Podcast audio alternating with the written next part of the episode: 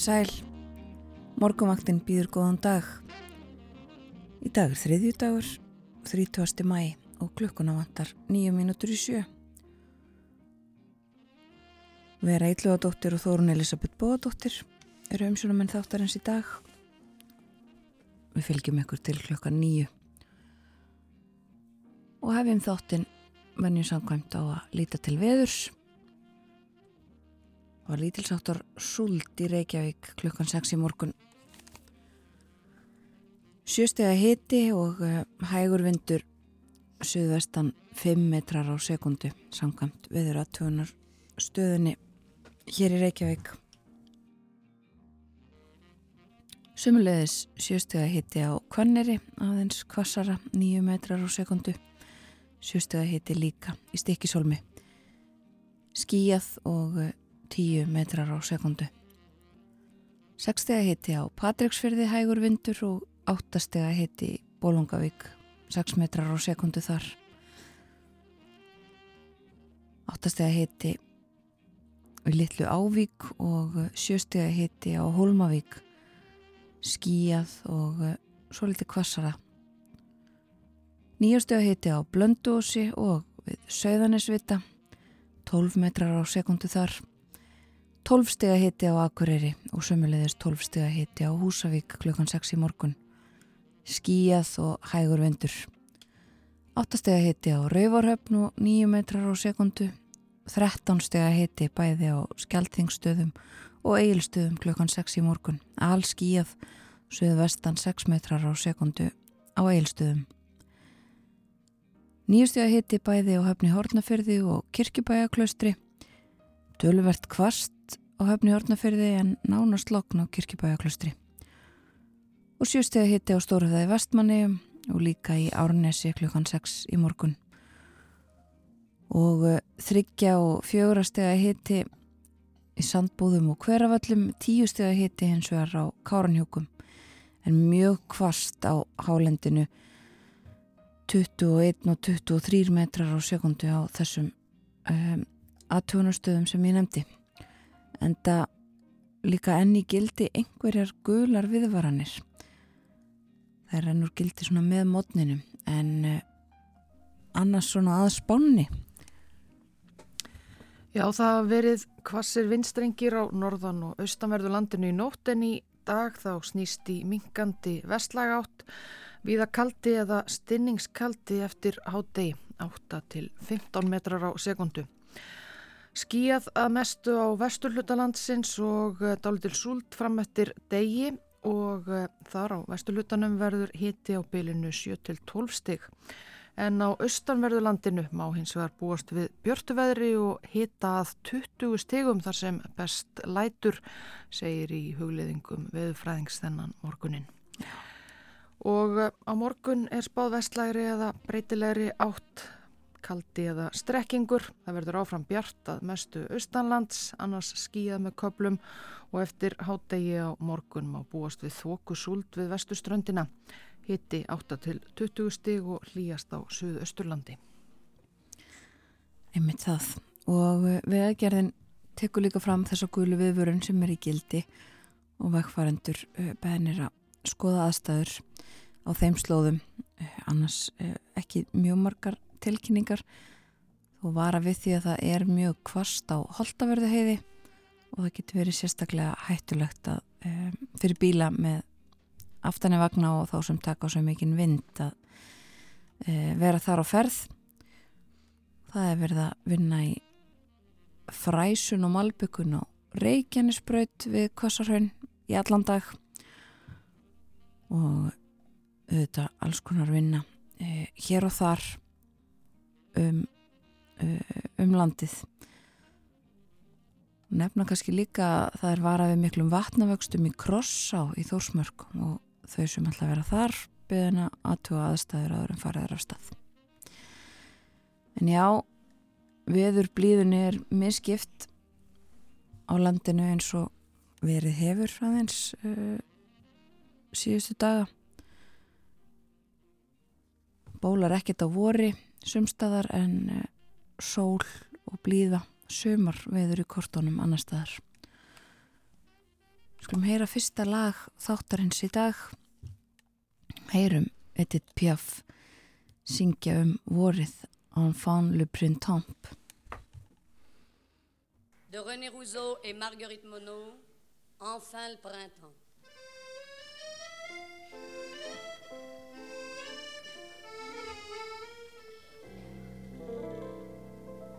Vise mon Jules cette crapule qui nous tombe sur les bras depuis le temps qu'on l'attend comme une bombe. Le voilà, la voilà, le printemps tout fleuri de lilas qui rapplique en dansant, en dansant la java. Voyou au son de l'accordéon qui court le guilledou en poussant la chanson entend comme ça chahute dans tous les palpitants. L'hiver se tire des flûtes. Enfin le printemps ne fait pas la tête. Tu serais bien bête de te faire du mouron. Quand sur toute la terre flotte un petit air de révolution j'ai choisi pour toi ma robe de soie, mes colifichets, pour dormir sur l'herbe en écoutant teinter les muguets. Cette crapule qui nous tombe sur les bras depuis le temps qu'on l'attend comme une bombe. Le voilà, le voilà, le printemps tout fleuri de lilas qui rapplique en dansant, en dansant la java. Il y a la foule dans les rues qui suit les orphéons, des épaules toutes nues et du monde au balcon. C'est la fête au poète et je t'aime éperdument et ça tourne dans ma tête. Enfin le printemps, j'ai le vertige dans tes yeux, je voltige dans du bleu. Je vois doubler, c'est mieux, vise mon cœur tout là-haut qui fait du cerf-volant. Rattrape-le si tu peux, mon amour, mon amour, il faut le camp. Enfin.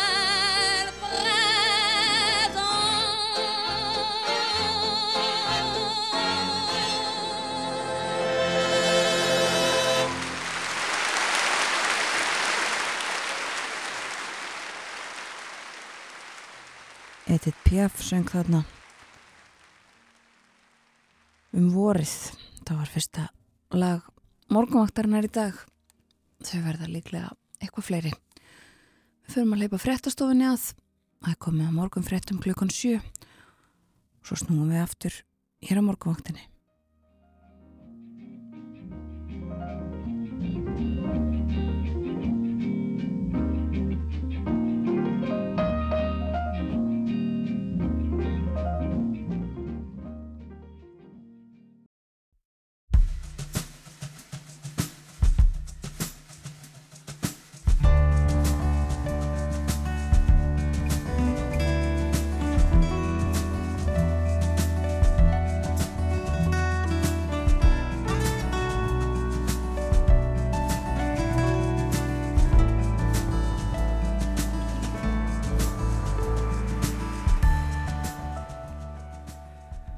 Góðan dag, morgunvaktin helsar þriðudaginn 30. mæ. Umsjónamenn þáttarins eru Vera Ílluadóttir og Þórun Elisabeth Bóadóttir og það er ímislegt á dagskráni í dag. Já, við ræðum launamál þingmanna og aðstur áðamanna þjóðarinnar þegar að Þórðursnær Júliusson, reittstjóri heimildarinnar, sest niður með okkur upp úr klukkan halv átta. Þau fá ágæta launahækkun í júli. Fleira er svo á dagskráni, vextir og verðbolga koma við sögu. Þú ætlum að skoða hvar eru tekju hæstu og tekju lægstu heimilinn á landinu? Svo ætlum við að tala um afkomi sjávorútusfyrirtækja líka Það var vel fagnað í munnhjennum helgina, bæði Karla og kvennalið bæinn munnhjenn urðu Þískalandsmeistarar. Karlatnir eftir dramatískan lokaleg en konurnar eftir stórsigur 11-1 og þar skoraði Glótís Perla Viggóstóttir, landsliðskona Íslands, eitt af þessum 11 mörgum. Artur Björgvin Bodlason ræðir við okkur um fókbóltan í Berlínar spjalli dagsins en stjórnmál og saga verða líka til umfyllunar. Og Hjördis Ír Skúladóttir formaður MS félagsins kemur svo til okkar í síðasta hluta þáttarins. Í dag er alþjóðlegi MS dagurinn. Við ætlum að forvitnast um sjúkdóminn, um þróun í meðferðans og lífið með MS. Einhvern veginn svona verður morgunvaktinn í dag og í bland við tónlist og frettir og uh, allt sem þarf til að komast af stað inn í daginn. Það er uh, mingandi vestlæg átt í dag, 8 til 15 metrar á sekundu eftir hádegi, úrkomi lítið og hiti 6 til 12 stig á vesturhelmingi landsins, viða bjartviðri á austurhelmingnum og hitin þar 12 til 20 stig og hægari vindur í kvöld. Áfram vestlæg eða breytileg átt á morgun 5-13 metrar á sekundu. Skíða með köplum en líkur á þókusúld vestan til eftirhádegi. Og áfram bjart að mestu um landið austanvert hitin 8-20 stig líjast á Suðausturlandi. Og við fáum ekki betur séðan að það verði e, í kringum svona 15-20 steg hiti fyrir austan eins langt og spáin nær e, ekki alltaf sól en afskaplega lít og, og gott viður í kortunum. Alveg uh, út næsta sunnudag. Eins langt úr spáin nær sem sagt. En uh, ég var að líta eins í blöðin. Morgunblæðið kemur út þennan uh, morgunin og það er það eru íþróttir á fórsýðublaðsins handbólti. Mynd frá uh, leik Hauka og IPVAF á ásvöllum í Hafnafyrði í gerðkvöldi. Þetta var uh, fjörði úrslita leikur liðana um Íslandsmeistaratitil Karla í handklæðleik og uh, það voru Haukar sem báru sigur og bítum í þetta sinn. Leikur fór 27-24, Haukum í vil og nú er staðan í einvíi hauka og IPVF um Íslandsmestratitilinn 2-2 á myndinni á fórsíðu Morgonblassins má sjá Andra Már Rúnarsson liðsmann hauka sem að fagnar í leikslokk átti stórleiki leiknum og hreitn úslítaleikur verður háður í vestmannegjum Anna Kvöld, miðugudags Kvöld klukkan 19 um það hver liftir Íslands byggarnum í eh, handknalleg Karla í ár. En eh, aðal fréttin á fórsýðu morgunbladsins frá Alþingi.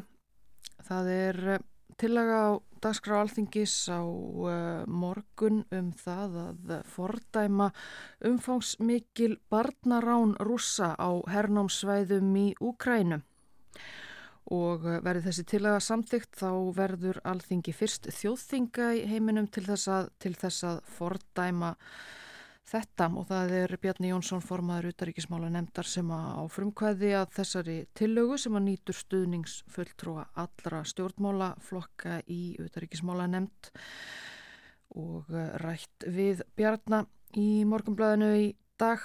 Talið er að um 20.000 ukrænskum börnum hafi verið rænt af rúsum og þau síðan verið ætleitt eða komið í fóstur hjá rúsneskum og rúsneskum mælandi fjölskyldum, bæði á hernemdum sveðum í Ukrænu, í eh, Rúslandi og Belarus. Mörg þessara barna hafa sætt hardræði og kynferðisofbeldi en markmið þessa virðist vera að slíta á ukrænskar rætur barnana og eh, Bjarni segir brínt að taka þetta mál, á, uh, mál upp á alþingi mótmæla þessum stríðsklæpum og stöðva þá. en uh, hann hefur verið í miklum tengslum við Úkrænumenn ekki síst á, á vettvangi Evrópuráðsins. Fjallaðum þetta á forsiðu morgunblassins í dag og rætti við Bjarnar Jónsson formann utaríkismála nefndar alþingis mm. mál sem að verður tekið fyrir á þingi á morgun. Já og þetta er líka til umfjöllunar í, í erlendum fjölmjölum umfjöllun og, og uh, viðtal við uh, börn í eh, breskablaðinu Guardian í dag. Um, og uh, tala við eitt af þeim nokkur hundru börnum sem að hafa komist aftur uh, til Úkrænu og til uh, síns fólks. Um, og ungstúlka hér sem að um, rættir við og segir sína sögu segir af því hversu hrætt hún hafi verið og það eh, hvernig hún hafi verið blegt og, og logið að henni um stöðu mála. Og eh, þetta er já og hefur verið til umfyllunar víða og eh, eitt af eina af mörgum fréttum sem að tengjast Úkrænu og, Rúslandi í dag eins og flesta daga. Við heyrðum af uh, dróna árásum og eldflög árásum í, í morgun. Frettunum uh, fyrir tímyndum síðan eða svo um, bæði í Moskvu og í Kiev höfuborg Úkrænu tölverst mikið uh, fjallað um þetta um, og það er svo litið flott mynd á fórsíðun á Times í Breitlandi um, emitt frá uh, neðanjara lastastöð í Kiev Það voru gerðar árásir að degi til líka í gær eh, sem ekki hefur verið um eitthvað skeiða minnstakosti og uh, rullu stegarnir stopp og fólk setur í símónum þar leitaði skjóls vegna þessara um, árása í gær. En aðeins af öðrum fréttum úr uh, breskublöðunum fjallaðum húsnæðismál í, á nokkrum fórsíðunum um, fyrirnefnt Guardian fjallar um áform verkamannaflokksins í húsnæðismálum uh, það er að um, og sé verið að setja saman uh, áform þar sem að uh, landeigandur verði látnir selja uh, land ódýrt til þess að uh, hjálpa til við að lækka húsnæðis byggingakostnað í Englandi. Og þannig myndu sveitarfjölug geta keift land án þess að þurfa að taka inn í það einhvers konar markaðsverði eða svona vonir landeganda um, um verð. Þetta er uh, einhverja viðbætur við uh, verð og uh, verð mat á landi sem að verkamannaflokkurinn vil breyta og þannig eins og sagt er hér breyta valda jafnvæginu, flytja það frá þeim sem eiga land og meira til samfélagana sem að getu um, grætt á því að, að geta byggt fleiri heimili. Og líka fjallaðan um þetta í Financial Times. Þetta fari lengra heldur en öll áform stjórnvalda í Lundunum sem að eru þó einhver í þessa veru. Og uh, segir líki Financial Times að húsnæðismálin verði stórst þema atriði í næstu kostningum og ímislegt uh, fleira í ennsku blöðunum þar er ennverð að rýfast um uh, Boris Johnson og stöðu hans það að stjórnvöld neiti að láta af hendi samskipti sem hann átti á WhatsApp uh, appinu. Meðan sá þeirra eh, það er verið eins og við nefndum í síðustu viku að ræða og rannsaka fleiri möguleg brot Borisar Jónsson sem fórsetir á þeirra þegar að COVID-19 takmarkanir voru í gildi. En uh, líka tölver talaðum uh, kostningarnar í Tyrklandi ekki síst í dönskum fjölmjölum Það eru uh, umfjallanir á fórsýðum þar bæði uh, til dæmis á fórsýðun og informasjón og politíken og uh, fjallaðum það að Erdogan fórseti hafið betur í setni umferð fórsetakostningana þar í landi. Politíkinn segir að NATO sé að uh, allansafsbandalæði sem sagt uh, gera sig klárt uh, bandalæðið til þess að borða úr hendi Erdogans segir í, í fórsið fyrirsögninni. Þetta hafi ekki verið það sem að vonast hefði verið eftir fyrir næstu fimm ár þar á bæ og og fórsíðan og informasjón sagt uh, að það að Tyrkneskur almúi hafi kosið Erdogan gegn sínum eigin hagsmunum það síni djúpa vantrú á elítu þeirra sem að vilja eh, aðskilnað ríkis og, og tróar í Tyrklandi og þarna séu djúb staðvandamál. Segjum þetta gott í byli af svona erlendum fréttum. Við verðum með þetta e, í Þískalandi hér á eftir þegar Artur Björgum Bodlason verður með okkur eftir morgun fréttinnar klukkan átta. Og svo segjum við ykkur frá fréttum svona hingað og þangað. Og uh, ætlum að setja lag á fónin það var samið árið 1965 höfundurinn Jerry Jeff Walker var þó í fangaklefa í New Orleans ásand fleirum. Hann var stungi í steinin vegna ölfunar á almannafæri. Og í fangaklefanum var líka heimiluslus maður og sá fór að segja sögu. Hún var um hundinans og samband þeirra kvötta sem var náið og sögunni laug þegar að hundurinn sapnaðist til feðra sinna.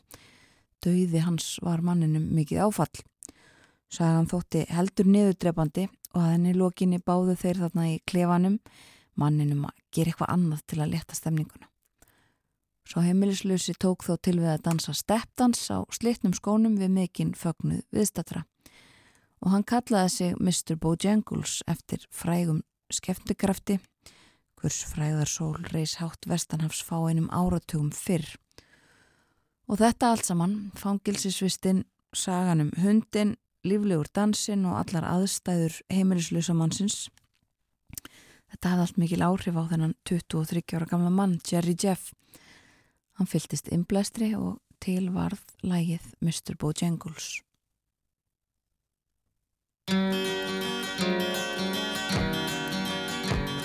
I knew a man, Bojangles, and he danced for you in worn out shoes, silver hair and ragged shirt and baggy pants. The old soft shoe, he jumped so high, he jumped so high, and then he lightly touched down.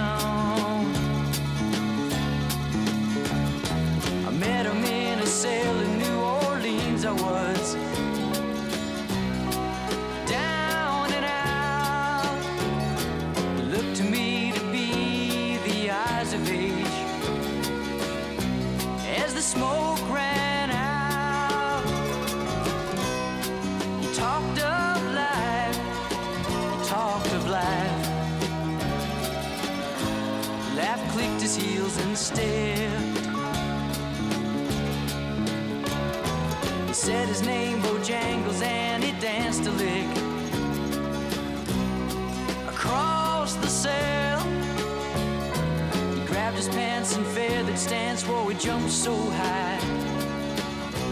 And then he clicked his heels.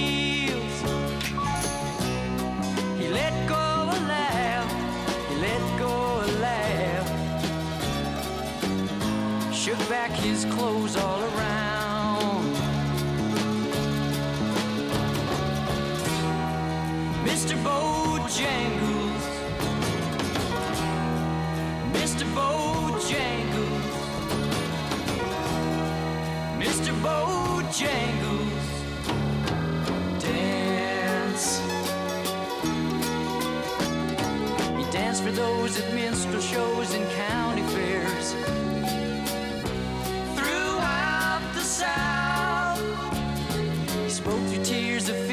years how his dog and him traveled about. The dog up and died, up and died. After 20 years, he still grieves. He said a dance now at every chance in honky tonk for drinks and tips.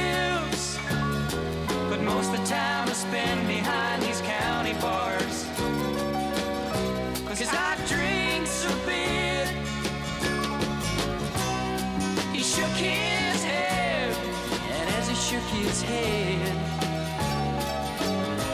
heard someone ask him, please. Please, Mr. Bojangles, Mr. Bojangles, Mr. Bojangles,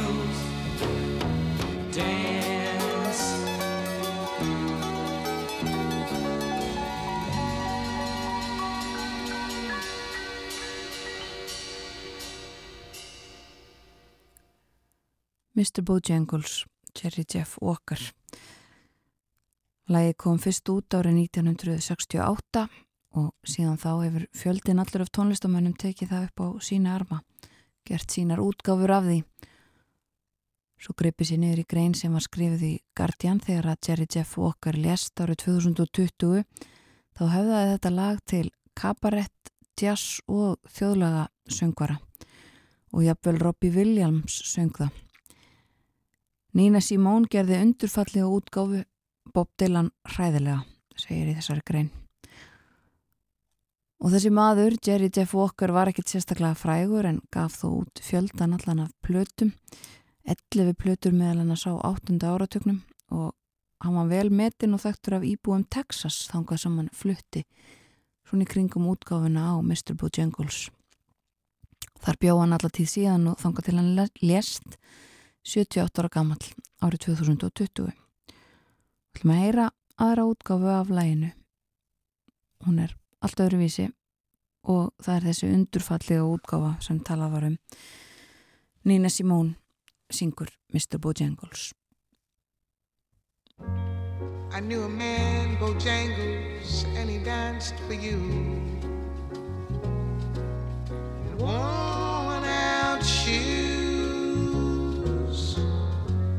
with silver hair, a ragged shirt, and baggy pants. The old soft shoe.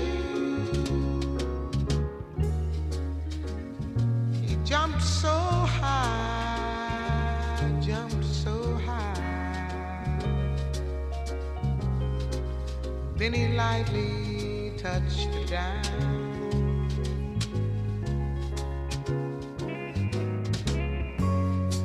I met him in a cell in New Orleans. I was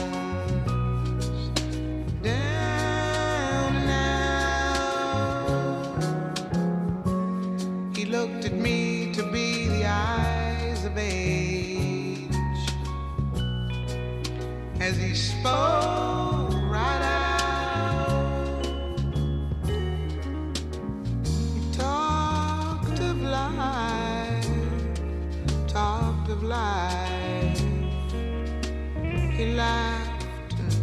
slapped his leg a step.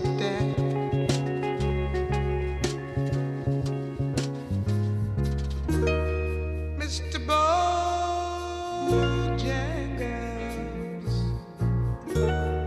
Mr. Bojangles, Mr. Bojangles,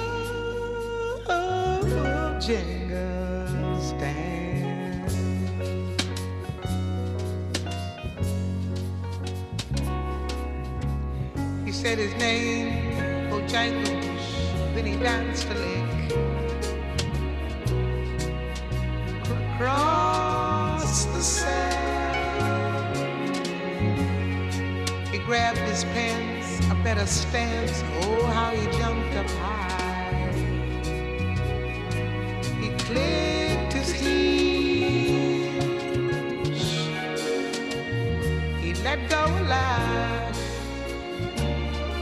go alive.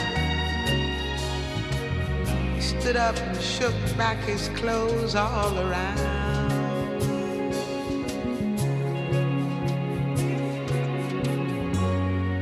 He danced for those at minstrel shows and county fairs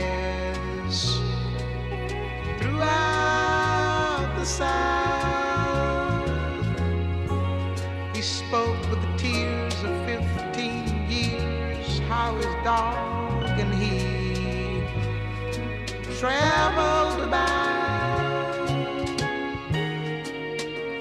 His dog up and died, he just up and died. After 20 years, he still grieved.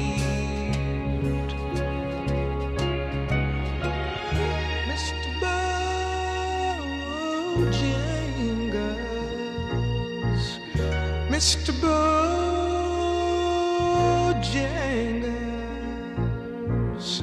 Mr. Bojangles, damn.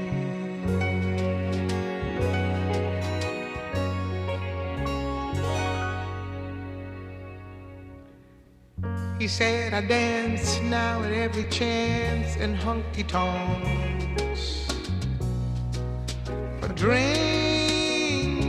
But most of the time I spend behind these county bars. He said, I drink a beer. He shook his head.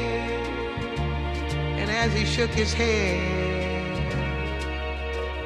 I heard someone respectfully ask,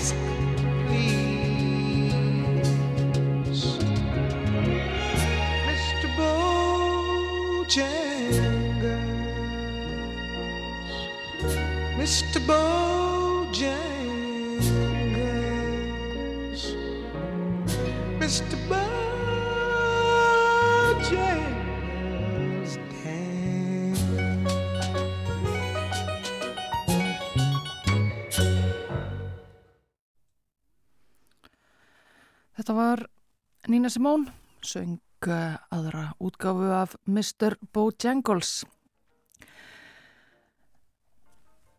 Þóruðsnær Júliusson Reistjóri, heimildarinnar er að koma sér eh, fyrir hjá okkur í hljóðstofu. Við ætlum að ræða við hann um launamál þingmanna og aðstu ráðamanna hér á eftir eh, frétta yfirlitið klukkan hálf átta og ímislegt fleira.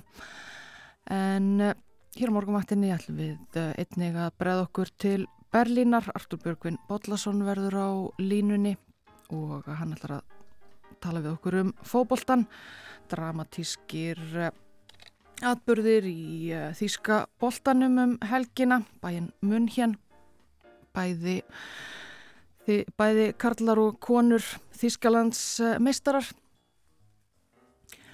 Síðan upp úr hálf nýju í síðasta luta þáttarins þá uh, kemur til okkar Hjördís Ír skóladóttir formaður MS félagsins en í dag er alþjóðlegi MS dagurinn og við ætlum að fjár, forvitnast um sjúkdóminn um þróun í meðferð og lífið með MS.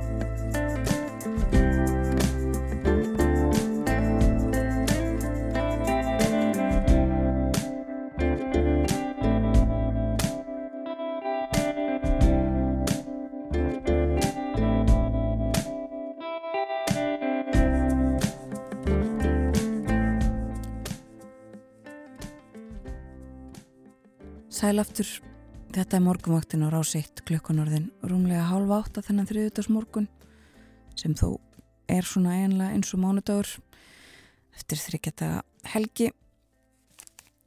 Og uh, það er sult í höfuborginni og var í morgun og þoka hreinlega þegar við lítum nú út um klukkan hérna í efstaleiti Reykjavík.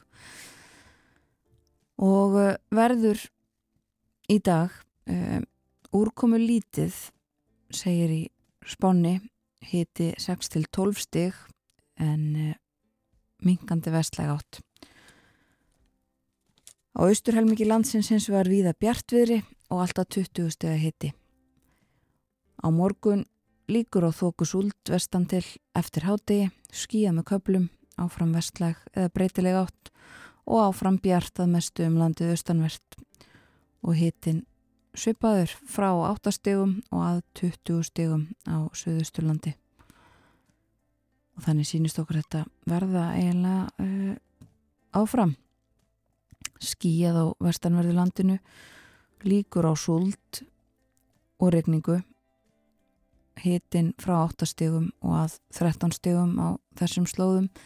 En alltaf 20 stegi hiti og jáfnvel meir en það á austurhelmiki landsins Svona er spáin eiginlega uh, söpuð eins langt og hún nær. Við munum á það hér og eftir verður Artúr Björgum Bodlason á línunni og svo undir lokþáttarins þá er það Hjördi Sýr skúladóttir frá MS félaginu á Íslandi. En næstu mínuturnar þá er það efnahags og samfélagsmál til okkar er komin Þorðusnar Júliusson, reittstjóri heimildarinnar. Góðan dag og velkomin. Góðan dag. Við ætlum að uh, byrja á að ræða frettir sem að bárust uh, eða við herðum um, um helgina þessu löngu helgi uh, þó ekki óvæntar en þetta allt saman komið í eitthvað svona ferli sem á að vera fyrir sjáanlegt en það eru launahækkanir hjá uh, embættismönnum, aðstu ráðamönnum þjóðarinnar, þingmönnum og, og fleirum. Það var kallað eftir því að þetta, þessi hópur myndi deila kjörum með öðrum Íslandingum en það likur fyrir að það verður launahækkun þar núna í hvað er það, fyrsta júli? Já, og kannski aðeins fyrir samhengið, hér eru þetta uh, nýbúna eiga sér stað 13.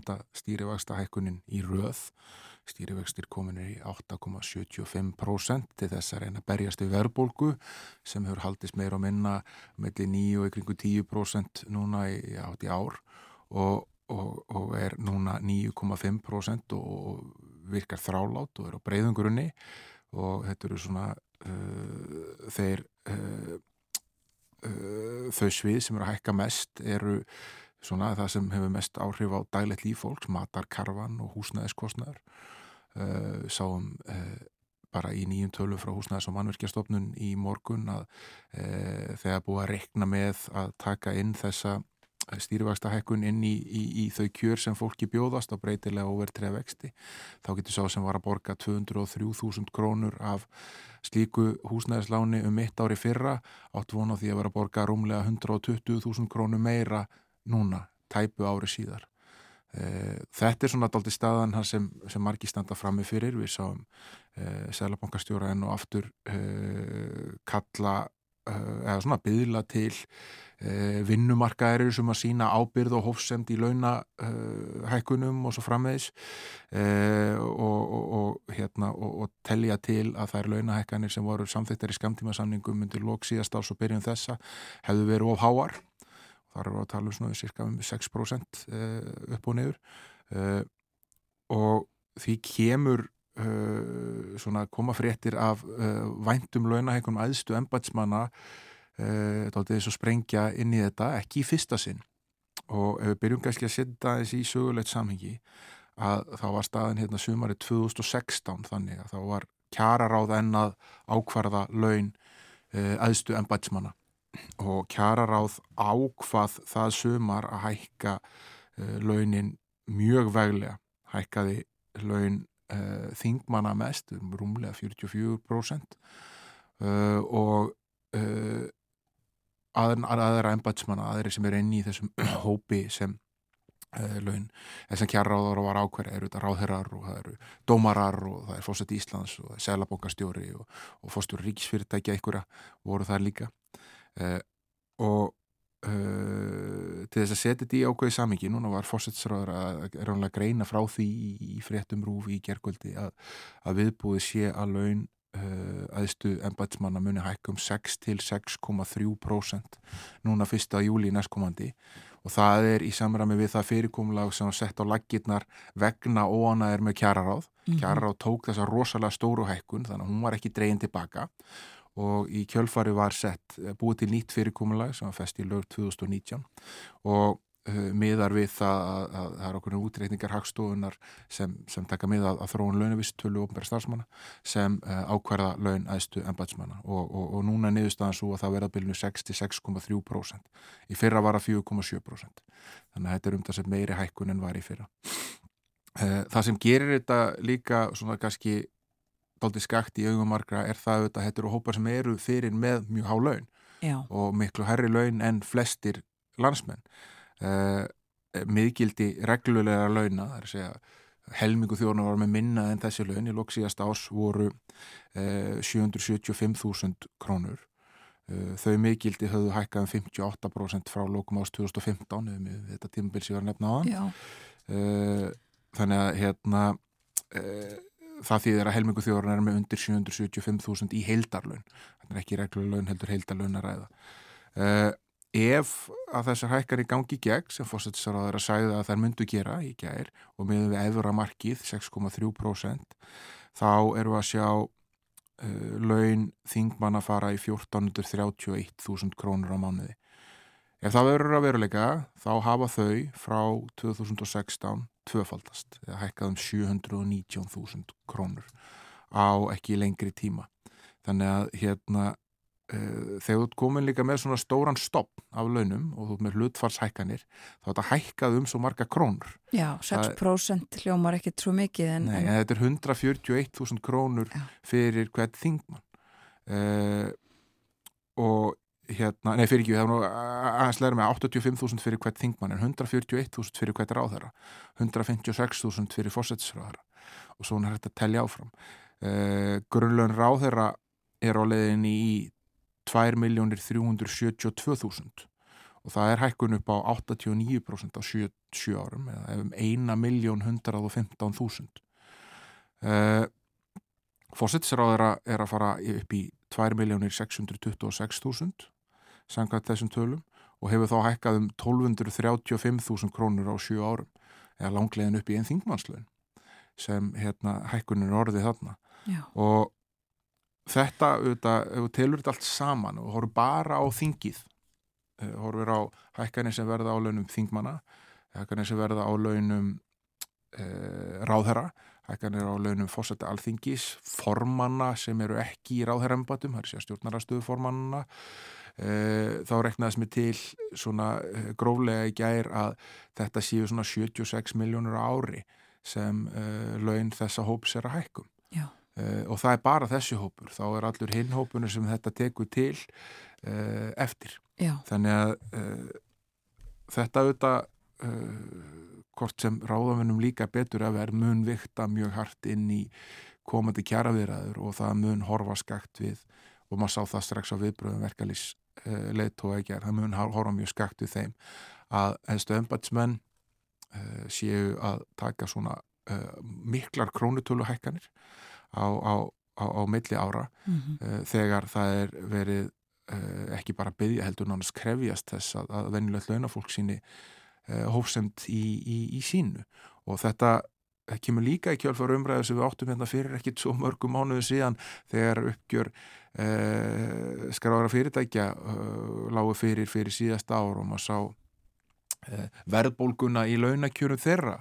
Það voru alls konar eh, nýjungar þar að vera að greiða fólki fyrir að skiptum störf og, og kauprættir og kaupökar á, á fullir færð tilbaka og, og, og meðal heldalun þeirra eh, or, or, orðin bara þannig að, að það eru vel úr takti við það sem venjulegt fólk tengir við. Mm.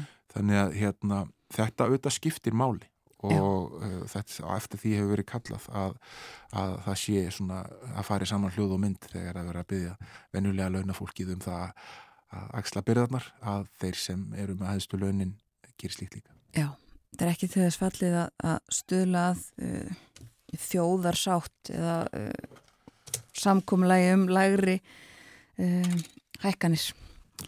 Nei, ég, ég menn það, það hér, hér er ekki að draga neina áleittanir, það er bara þannig það maður sér það bara viðbröðum verkefælisleituða strax í gær við uh, þessum uh, fregnum að, að þetta er að gera og, og þá ákvörun og, og þá yfirlýsingu fórstsræðara um það að það veri ekki uh, gert neitt til þess að, að, að fresta þessum hækkunum, það hefur þetta gert sko, að þessum hækkunum eftir að lögin voru fest að hérna, lögin voru lögfest að, að þeim hefur verið frestað hækkununum. Já, hvern? Það var gert hérna bara í byrjun í tengslum við kjærsamninga gerð sko, hérna, en, en þau komu síðan aftur hækkanina síðar Já. en svona þau eru hort á aðstæður að hérna, það þótti kannski ekki tilliðilegt að fresta að taka inn hækkaninar akkurat þá. Ummitt. En það var ekki á fórsettir að þeirra að heyra slíkt stæði til núna og fórsettir alþengi sagði að það hefði engin þingmaður uh, svona lega máls á því að, að ekki verði af þessum launahækkunum. En við sjáum hvað setur núna. Það þarf auðvitað að breyta lögum til þess að uh, gera breytingar þarna á mm. að því þetta voru lög sem voru sett. En þú, þú myndist á uh, vakstahækkun hjá Sælabankanum og verðbólkutöluðnar. Við ætlum aðeins að ræða þau mál nánar. Þetta var í svona uh, píbónum þegar þú varst hérna hjá okkur fyrir viku. Þetta tvent sem var framöndan, vaksta ákverðun og svo nýjar tölur um stöðu verðbólkunar. Um, byrjum aðeins á uh, vaksta ákvöruninni og svo verðbólkunni. Það var mikil hækkun, uh, meir heldur en flestir höfðu spáður, það ekki 1,25% stig. Uh, jú, flestir voru að spá einu próstu stíð, en kannski ástæðan fyrir því að, að Sælabankin hefur gengið aðeins lengra er það hérna, að, og sást í peningamálum sem Sælabankin gaf út samtímis eh, því að hann tilkynnti um, um, um, um stýrivagsta hækkununa er að, að, að, svona verðbólgan er mun þrálatar en, en, en reiknaða með og, og, og, langtíma verðbólguhorfur eru að vestna. Það þýðir á mannamáli að, hérna, að verðbólgan það er búist við því að verðbólgan muni því miður uh, vera ekki sérstaklega skapleg til lengri tíma.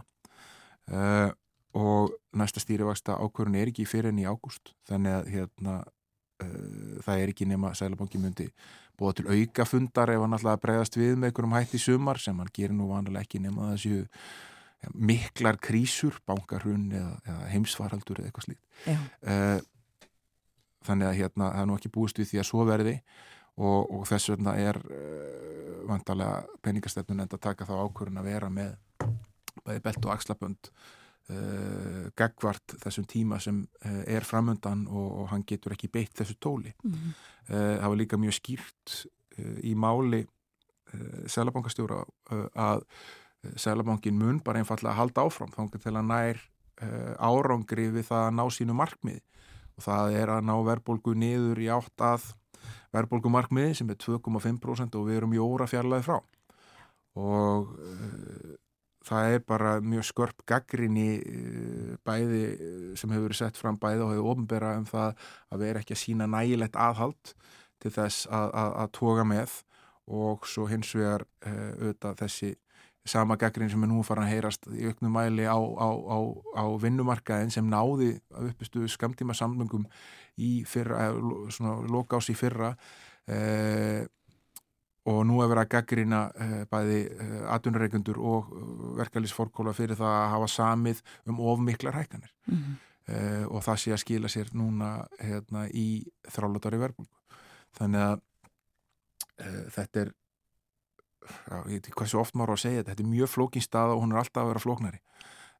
Og það verður alltaf eitthvað neginn erfiðara að finna þann stað til þess að höggva á þennan nút sem er komin upp. Núna e, er alveg viðbúið sérstaklega svona í ljósið þessu vorum að ræða á þann þegar hérna, ef að æðstu embættismenn alltaf ekki að hérna, e, að deila kjörum og sína einhvern veginn viljan í verki fórstjóra stórfyrirtæki ætla ekki að gera það heldur þá er ekki ósennilegt að kröfur verkefælisreifingarnar verði þannig að við séum að fara að horfa á sko þessa hefðbundna höfrungarhlaup, viksverkun að koma launahækkanir og þær fara út í verðlægið og þá þarf meiri launahækkanir og svo framvegis. Þannig er einhvern veginn bara staða Já. Skulum uh, ræða um annað. Uh, það komu aðteglisverða tölur frá hagstofunni í uh, síðustu viku. Það er verið að byrta núna alls konar niðurstöður úr, úr manntalinu sem að gert var. Og þetta þessi samantækt var um tekjur heimila og þá er verið að sína hvar tekju lág og tekju há heimili eru. Og þetta er forveitnileg samantækt það kom kannski ekki óvart hvar flest hátökju heimili voru? Uh, nei, það að kosti ætti ekki hafa komið neitt sérstaklega á óvart. Uh, þau eru svona eins og við varum búast á uh, Seldjarnanessi og í Garðabæ. Og flest látíkju heimilin voru, þetta er svona eftir hverfum þetta er mjög aðtiklisverð samantækt hjá hjá hagstofunni og tekju læstu heimilin uh, reyndust vera annars vegar á Ásbrú og hins vegar í miðbæ uh, Reykjavíkur. Og við auðvitað hérna vorum uh, búin að vera með útætti okkur í heimildinni um hérna svona alls konar tölur sem Uh, Hagstofan byrtir um fjármagstekjur við kallum eftir tölum um fjölda uh, aupera á heimili við fjölda, fjölda engalhutafélaga sem eru skráð á heimili eftir postnúmurum stærð mismunum mellir sérbíla og fjölbíla og alls konar svo leis hérna fyrir ekki svo lungu síðan og þar kom fram teknaðast upp sama mynd. Það var ef við horfum á stærri sveitafjölu landsi sem eru aðskilu þessi sem eru bara með örfáum íbúum eða nokkur hundru íbúum þá voru langkæstu fjármastekjunar í þessum tveimur sveitafjölu um Seldjarnis og Garðabæ. Og e, þar voru flesti rafbílarnir, þar voru e, flestu sérbílin, þar voru flestu auperatnar, þar voru flestu engalhutafjölun og svo framis mm -hmm. þannig að hérna þetta er svona kannski tölur sem uh, komu ek okkur ekkit neitt alveg svakalega á óvart. En þetta er mjög aðtiklisvægt hvernig hvernig þetta er tekið saman hjá hjá hagstofunni og, hérna, og fara svona eftir sveitafélögum og þarna er þess að verið að skipta þessum 131.000 tæplega heimilum landsins í fimm jafnstóra hópa. Og svo er verið að svona rekna út hérna hversu uh, mörg heimili eru í efsta tekju 15 sem voru þá hérna þeir sem voru með meðaltekjur upp á 889.000 krónur eða meira á mánuði og í neðsta þar sem meðaltekjur heimilisins voru 414.000 krónur eða minna. Og og þetta raðast svona, það er mjög, þessi mjög skýra mynd og, og, og aftur það er kannski ekki droslega margt sem kemur þarna óvart. Uh, þetta eru svæðin sem hafa verið Eh, sem koma þarna út sem uh, þá sá staðu sem flestu tekjulágu heimilin eru upp á ásbrú þar sem eru þetta mikið af bæði innflytjendum og þar eru mikið af, af fólki sem eru að segja verndinga líka sem, sem, sem leitar í húsnaði þar. Og, hérna, og tekjulágir hafa mikið frambóð á húsnaði sem opnaðist þarna á sín tíma uh, sem var ekki til staðar annars þar tekjulágir hafa sótt á þetta svæði og svo er miðborg Reykjavíkur þar sem þetta aftur er líka uh, svona kannski alltaf sumu hópar sem er að búa og kannski mikið magna af minni íbúðum sem Já. er ekki að finna í mörgum öðrum hverjum uh, og annar sem er kannski áheldur ekkert að koma óvart er að þeir hópar sem eru líklegastir til þess að uh, vera í legstu tekju 15. eru einstæðingar. Það er að segja heimili sem eru með einstakling Eh, eða eru utan með um einstaklingi eða heimili sem eru einstæður mæður eða einstæður fyrir þannig að hérna, þetta er alveg uh, já, svona staðfesting á því sem uh, margir alveg skinnjuðu í, og hafa skinnjað í tölvöld langan tíma. Já, og þetta skoða alls konar tölur um þetta inn á uh, vefhagstofunar bílar á heimilum og atvinnum þáttaka og, og þetta hlutfall heimila í efsta tekjufimtungi það var mesta breytingin sínist mér í vestmanni Já, það eru nokkur sveitafélög þar sem hlutfalli hefur lækka tölvöld frá því síðan að manntal var gert 2011. Uh, Vestmanni um Skagastöndur og Fjarðabyggð. Uh, í þessum sveitafélögum voru uh, yfir 30% heimila í efsta teki 15 árið 2011 en, en hérna voru öllu læri núna þegar nýja manntalið var gert og mestabreitingin var eins og þú sagðir í Vestmanni um það sem hlutfall heimila í efsta teki 15 lækkað um 8,1% prosentustík. Einmitt. Já, ímislegt forveitnilegt þarna um, eigum við rétt að koma inn á í lokin þóruður uh, sjávarútjóksfyrirtæki og þeirra afkomu. Uh, já, Síldaveisla var að skila uppgjöru fyrir fyrsta ásjórung uh, í, í, í sístu viku.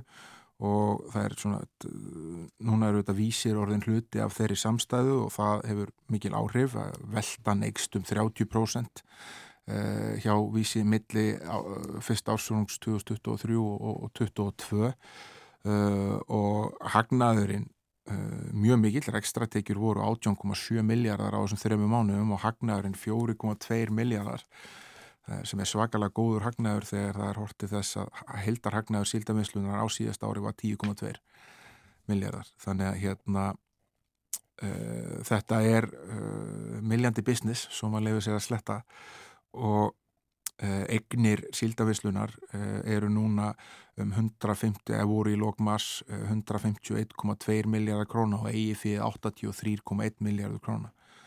Eh, og við veikum kannski aðeiglega hitt skráða stóra sjávarútsfyrirtæki sem er á markaði, Breim skilaði sínum ásetningi ekkit svo langu áður hvaðu eru orðin ef mjög svipuð á stærð tekjur breym voru 17,3 miljardar á fyrsta ásfjórungi hagnaðurinn 2,9 miljardar og eignirnar 155,3 miljardar þannig að eignar eh, bókvarði eignirnar eru bara á mjög svipuðum stað hjá þessum tveimur sjáurútus reysum Ennvita Við komumst ekki lengra í dag kærar þakkir fyrir Þorðusnæri Júliusson, réttstjóri heimildarinnar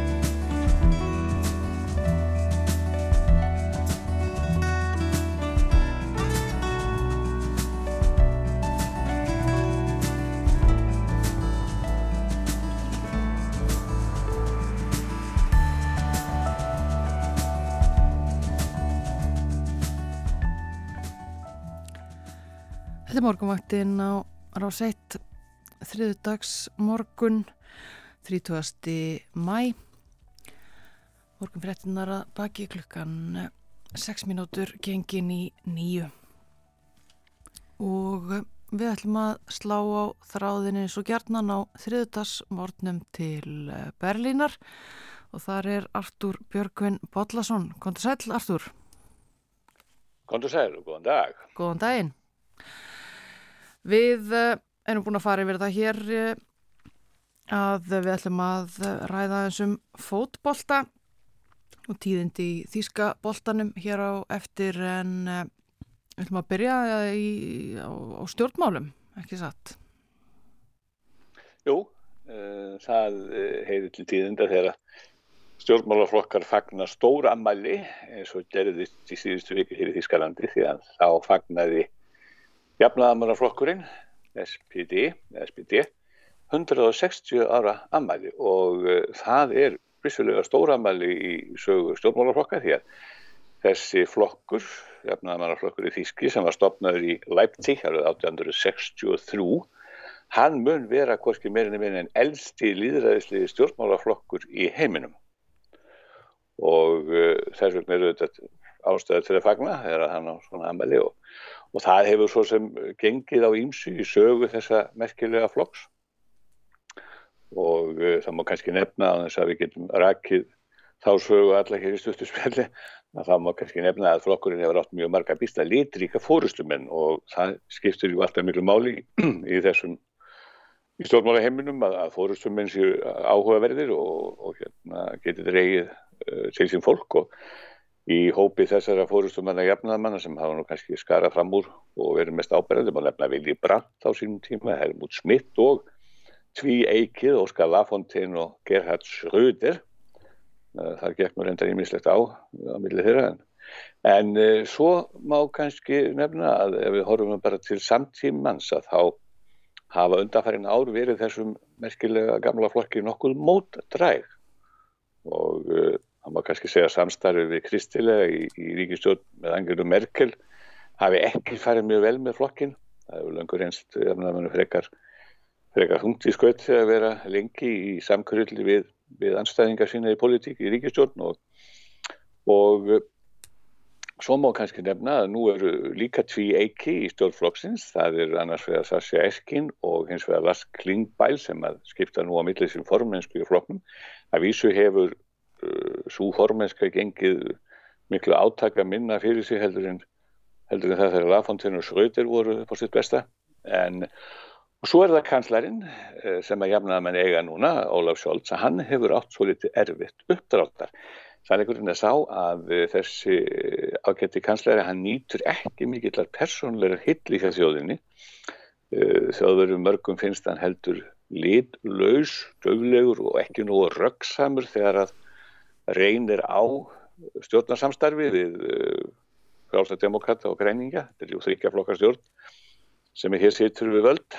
Og svo er það líka vendur um töluverði eftirlátt sem er við uh, frálsæðdemokrata í ríkistjórninni en uh, Scholz ætlaði nú aðeins að, að, að flikka upp á sína ímynd með því að flytja mikla hátíðaræð og flytja mikla hátíðaræð í tilumna 160 ára aðmælinu í síðustu viku og uh, þar bendi hann meðan annars þá aðteglisverðu staðrind að á þessum 160 árum sem flokkurinn hefur verið við líði, þá hafa jafnaðan ekki átt kanslari í nema tæpan aldar fjörðung kom mér nú sem sögu áhaga manni svolítið í opna sköldu því að hann benti á að þetta væri sko, þeir hefur verið með kanslari þrjú ári í 13 ára sögu væmar lífveldi sinns áluga og síðan hefði rátt kanslara í rúm 20 ár, ekki meirinn rúm 20 ár frá því að sambandslífveldi var stopnað eftir stríð og Og þetta er svolítið merkilegt, maður hefur nú haldið kannski að þeir eru lengur í völd en þetta er söguleg stærrind og, og ef við lítum svona svolítið á stemninguna gagvart jafnamenn í Þískarland í dag að, að þá er ljóst að það viðrar ekki mjög vel fyrir jafnamenn þessi missirinn. Þeir fengi að vísu mjög mikinn meðbyr og, og gott fylgi í síðustu þingkostningum í september 2021, þá fengi jafnamenn 26 af 100 aðkvæða sem var mjög gott. En, en nú sína skoðanakannanir að þeir eru ekki að fá nema átján, ef það væri kosið núna þá fengjur ekki nema átján prósent átján prósent að fylgi. Og á meðan að kristilegi demokrater höfuð anstæðinga þeirra fengjur sko 32 prósent. Mm. Og grænir hafa dala líka, þeir eru konin í 16 prósent og AFD, þessi auka flokkur til hægri, hann væri í 15 prósent þannig að það skilja samkvæmt könnun og núna ekki nema 3 prósent á milli jafnaðamanna og þessa hægri aukaflóks. Það er náttúrulega, það er náttúrulega ekki sérstaklega glæsilegt og það má kannski bæta því við að, að, að þetta er minnsta fylgi sem að flokkur kanslara hefur fengið, þar að segja flokkur sem á kanslaran hefur fengið í sambandslífildunum bara frá stíðslokum og, og uh, þetta svona Þetta, það er ímist tákn á loftum að þeir, tekna á loftum að þeir þurfa að, að geta sína því að það fara ekki niður í það að vera bara lítil, lítil uh, vistur flokkur því að uh, sem dæmið þá, þá töpuðu nú einu af þessum höfðu vígjum hérna í kostningu fyrir skömmu þegar þeir mistu borgarstjóran í Bellín og uh, það er í fyrsta sinn sem að Kristilíði demokrater eiga borgarstjóra hér í 22 ár. Og uh, svo er náttúrulega uh, eigaður undir högg að sækja í stjórnarsamstarfinu eins og ég í að það og, og þetta hafi verið erfið þetta fyrir þýsku stjórnina því að Úkrænustriðið hefur sett gríðarlega þrykir reikningin Ólaf Scholz kanslari þarf aðalega að senda öðruríkismálum og getur minna að senda innuríkismálum vegna stríðsins í Ukræn og, og einaríkisráðherran hann þarf að sinna fyrir bræði líka auknum flottamannarströmi og, og, og vinnumálar á þeirra sem er líka jafnaðmaður hann þarf að, að, glíma við mjög alvarlega skort á sérhæfðu vinnuafli hér á mörg, mörgum greinum.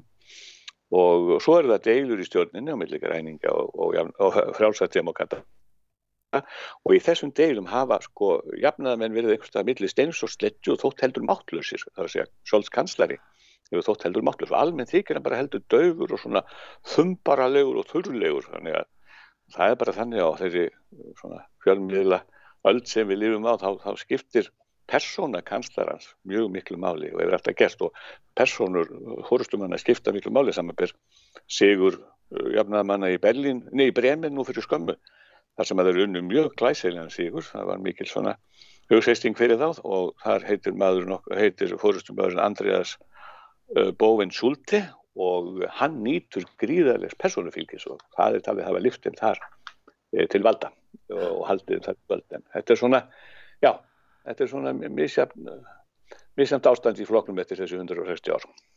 Já, kannski ekki mikil gleði yfir, yfir ammælinu þá eða hvernig er stemmingin?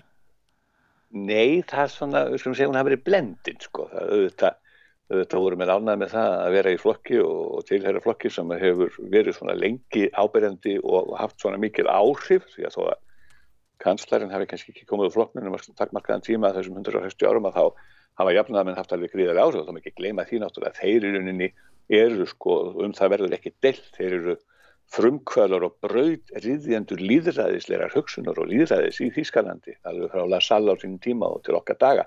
Þetta er skans tíma hafa þeir verið svona breymbrótar líðræðis sem má segja þannig að menn eru stoltir af, af sögunni og, og, og fortíðflokksins og því sem hann hefur komið til leiðar í í, í áranna rás. Já. En uh, þú ætlar að segja okkur sem leiðis frá öðrum og sögulegum tímamótum af allt öðru, allt öðru tægi Já Eh, það eru tímamót sem að tengjast uh, myrkustu sögu uh, myrkusta kablanum í sögu Þískarlands en uh, það er sér næstismennum en í undanferðið 30 ár hefur listamæður Þískur sem heitir Gunther Demnig hann hefur verið að koma fyrir svo kalluðum ásteitingarsteinum sem það verið að kalla stolpersteini það eru tvær þýðingar á þessu íslensku það er hans vegar röðsunar hella og hins vegar ásteitingarstein og ég held að það er nú betur við þessu tilviki. Þetta er svona uh, í gangstettir í Þýskum borgum fyrir framann hús þar sem að geyðingar eða, eða uh, Sinti og Rómafólk eða aðrir sem að nazista letu flytja í útrýmingabúður, handtaka og flytja í útrýmingabúður þar sem þeir voru teknir að lífi að. Er verið að koma sem þessum svona litlum láthúnsplötum fyrir fyrir framann hús sem þetta fólk bjói á sínum tíma og þessar litlu svona gildu láthúnsplötur það láta nú lítið yfir sér í borgarmyndinni og nú veit ekki hvort að fólk sem hefur komið hinga til Berlínar eða annar þíska borga hefur tekið mikið eftir þessum blötum. Það eru sem sagt á milli hellana í gánsettunum mjög lítlar og uh, það er til í dæminu að fólk bara lappi yfir það að taka nokkuð eftir þeim en, en á þessar litlu látúnsblötur eru letruð uh, nöfn og fæðingar og dánardægur þeirra fornarlamba nazinsma sem áttu heima í viðkomandi húsum. Og og í síðustu viku þá, þá kom þessi ágætti listamæður uh, Demnik fyrir 100.000 ástendíka steinunum, hvað skil mér einn minna og uh, þennan, uh, þenn, þessa blötu, þennan ástendíka steinin, svo þannig kalla þetta er ekki stein, þetta er kallað þessu nafni, þetta sé látúsblötur, en, en hann kom þessum ástendíka steini fyrir í gangstéttinni fyrir framann hús við Bartolomeu strætti í borginni Nürnberg sem til eru bærarandi, eða Franken. Er flokkið málum millir Franken og Bæjar er alltaf einhver rífur en við förum ekki út í það. En uh, hann kom þess að þessari blötu fjaman þetta húsi Bartolomeu og, og hún er til minningar um sósialistan Jóhann Wild sem var tekinn á lífi uh, 17. mæ 1941 í, í fangilsinu München Stadelheim sem að nazistar voru með og uh, þetta sem sagt uh, sínir náttúrulega það voru ekki bara það voru ekki bara hérna geðingar og, og og Róma heldur líka kommunistar og sósialistar og jafnaðamenn sem voru ofsóttir og lífláttnir í því ríkinu og þessi ágættu listamæður Demi hafa það eftir sér að, að það hafi ekki verið mjög auðvelt verk á sínum tíma þegar hann byrjaði að þessu fyrir 30 árum að hann fór að leggja þessa ástættingasteina og komaði fyrir því gangstjöftunum fyrir fram hann íbúðarhús í, í, í, í borgum og bæjum í Ískalandi að þá hafi það ekki alltaf verið auðvelt verk þegar hús eigendur hafi til dæmis verið að mótið þessu. Þeir hafi óttast að, að það er erfið og endursalan á, á húsegnum er erfið og svona, svona plötur væru svona minningaplötur væru fyrir framann húsina og þá getur hennilega húsegnind að falli í verði ef fólk sægi þessar, þessar plötur í stettinni og færi að tengja þetta við helfurina og skjálfilegan tíma í þísku sögu. Þetta er svona sálega násögu á kaupendur og þeir myndu þá hverfa frá. Og hann segist líka hafi verið með þá hugmyndum tíma að koma plötunum fyrir framann á húsunum sjálfum. Eins og með þekkjan alltaf bæði á Íslandi og annar stæðar þá eru svona minningaplötur oft framann á húsun sem segja hver hafi búið í húsinu eða um frækt fólk hefur verið að ræða. Og smám saman segir hann auðvitað svo húsæðendur sáttari við þessar plötur. Og uh, nú er svo komið að þessar litlu látúrsplötur, þessi ásteytingar steinar, uh, þær er að finna þá er að finna í tæmlega 1300 borgum og bæjum í Þýskalandi.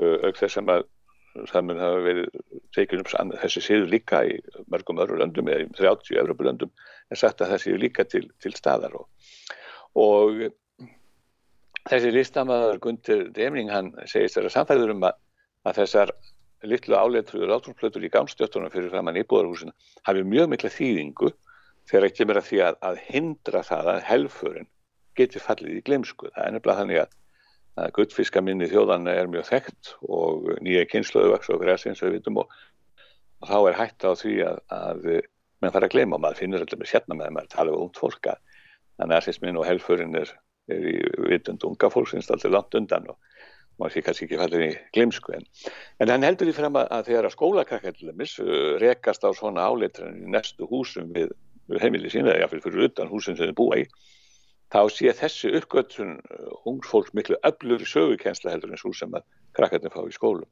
Og e, það er ekkert aða málu og kannski skjóta því svona í, í lokinu af þessu að, að ég er nú þegar ég geng út úr húsunum minni hér í Bellin Býð ég mitt í gamla gyðing, gömlu gyðingakverfi að þá hef ég þessar látúnsblötu fyrir augunum alla dag og þegar eitthvað sérstatt verður að minnast einhverja sérstaklega hluta þá verður það allar saman púsaðar og, og fæðar þannig að það glitra þá í sólskyninu og, og hérna maður gengur alltaf framhjöðum og, og hérna tekur eftir þessu og sér þessi nöfn og þessar óhugnarlegu tölur sem fylgja með sem láta lítið yfir sér en, en, en félagi sér gríðarlega og skelvilega sögu. Það já, og já, 100.000 og uh, hann, er, hann er ekki hættur listamæðurinn en það vantanlega og því miður af, af nóg að taka, eða hvað? Það segir skeitt að vera að í mörg ára enn og hann styrir að hann þýtti alltaf komið fyrir miljónum platna ef þetta er ástættingar steina eða þetta ganga.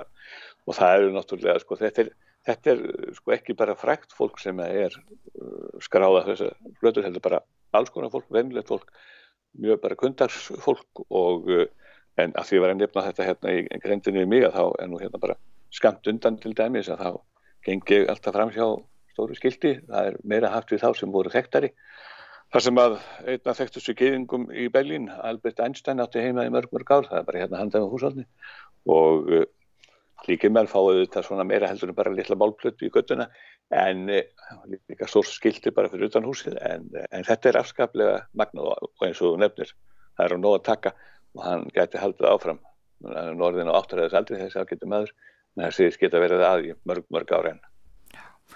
Sagan hérna í hverju skrif ég vantarlega en uh, svona lókum uh, það verið tíðindi í, fókbóltanum Já, það er nú kannski ekki frásögðu færandi fyrir fókbólta áhuga menna að bæjan munnsinn skuli sigra í úrvaldsveildinni þísku en þetta er nú 11. árið í rauð sem að Karla lið bæjar munnkinn, vinnur úrvarsveildina og hins vegar hefur það svona síðustu árin yfirlega verið þannig að fólk hefur sagt og það er ekkit spennandi lengur vegna það voru kannski tvær þrjár umferðir alltaf eftir að deildinni þegar bæjararnir voru búinir að tryggja sér sigurinn. En og ég man eftir því síðustu árun þá vorum við með hundshaus og svo ægin en ekki horfa þennan leik því það eru orðinir sko meistarakort sem er. En núna brá svo við að, að þeir unnu keppnin ekki fyrir á síðustu mínútu loka leiksins í loka umferðinni, hvorki minni minna. Og þetta var alveg æsi spennandi og menn fótbolta áhuga menn hér heldur niður í sér andanum því að uh, kallalið bæjar munkin átti semst í höggi við Leipzig í, í síðasta leiknum og, og á sama tíma voru uh, nefn aftur höggi við Köln fyrir ekki það í Köln í síðasta leiknum. Og uh, á sama tíma Borussia Dortmund að keppa annar staðar. Og, og það leit út fyrir að Borussia Dortmund væri að reppa títilinn og, og næla í títilinn af bæjurum því að því að þegar að sagt, eh, bæjan München og leikbæjan München og Kölnar var ekki nema ein mínúti eftir þá var staðin 1-1 og það hefði þýtt að að Borussia Dortmund hefði orðið tískanarmestari í góða tekið aðeins titil í fyrsta sinni 11 ár. En e, á loka mínutuleiksins þá neldi Jamal Musajala oltan í neti fyrir bæjar og þetta skot reyð bakka munin þannig að bæjar, bæjar München var ennið ennið þessi tískanarmestari 11 árið það er ekki nú með að Karlati getur hampað mistara skálinn, það má ekki kalla um byggarinn, byggarkeppnin þetta er svona stór og mikil og vegleg silfur skál sem að, sem að þeir fá. Heldur var kvennalið félagsins líka, uh, sigraði líka mistarakeppnina í leik við Potsdam, eða sem síðasta leiknum sínu í deildin við Potsdam.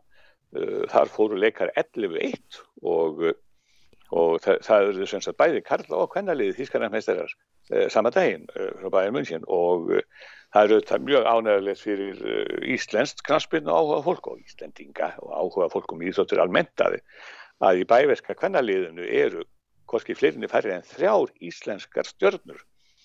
Og uh, allavega tvær þeirra voru með uh, Glóðís Perla Vikóstóttir hún skoraði nú eitt af þessum 11 mörgum fyrir liði í síðasta leiknum. Og svo var það Karolína Lea Viljónsdóttir og eh, sem var líka með og Cecilia Rún, Rúnastóttir, ég held að hún, Rán Rúnastóttir ég held að hún hefði nú verið á varamaspeknum í þessum leikan. En e, það er þess vegna ekki lóku fyrir það skot þegar einhverju landar okkar hafi síðan ástöðið til þess að skeppa á Marju Torki, Maríenplatz í München í fyrrata til þess að hylla þessa, þessi tvö mestarriði því að þar komu saman þúsundir fótbólta aðdáðanda til þess að, að fagna nýbökuðum þískarlandsmeisturum að báðum kynjum sem er ekki, gerist ekki hverjum deg og og sjálfsagt hefur nú gleðskapurinn líka svona haldið áfram eitthvað fram eftir nóttu því að bæjar er ekki beinlega þekkti fyrir að fara að slemma í hátinn þegar, þegar svona eh, fagnaðir á í hlut og, er í gangi og þess að mótið þá þetta er nú munnsinn er nú mekka hins freyðandi mjadar og uh, þar er lefa minn svona reynum en að lífka sálar í íla alveg þá getur það djarfa fyrir nýjum degi það er svona venjan í bæjarlandi þegar svona hátíðir skella og tvær í einu mistarar í kvennaflokki og mistarar í kallaflokki. Það, það er aldrei þess óvinnilegt. Já, maður getur rétt, rétt ímynda sér uh, það. En uh, segjum þetta gott uh, tíðindum frá Þískalandi þessa vikuna þakkaði kærlega fyrir spjallið Artúr Björgvin Bollarsson. Takk sem er leiðis.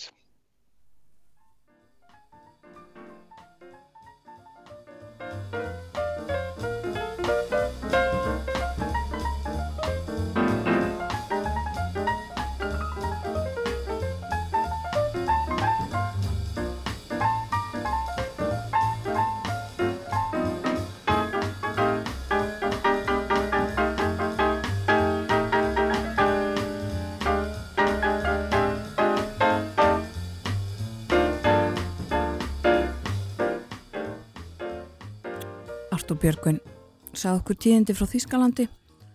Við förum að leipa fréttastofunni að yfir lit morgum frétta eftir eh, fjórar mínútur og svo verður hér hjá okkur Hjördis Ír Skúladóttir. Hún er formaður félags, eða MS félagsins. Er að ræða um MS vitt og breytt þegar hún sest hérna niður með okkur eftir nokkra mínútur.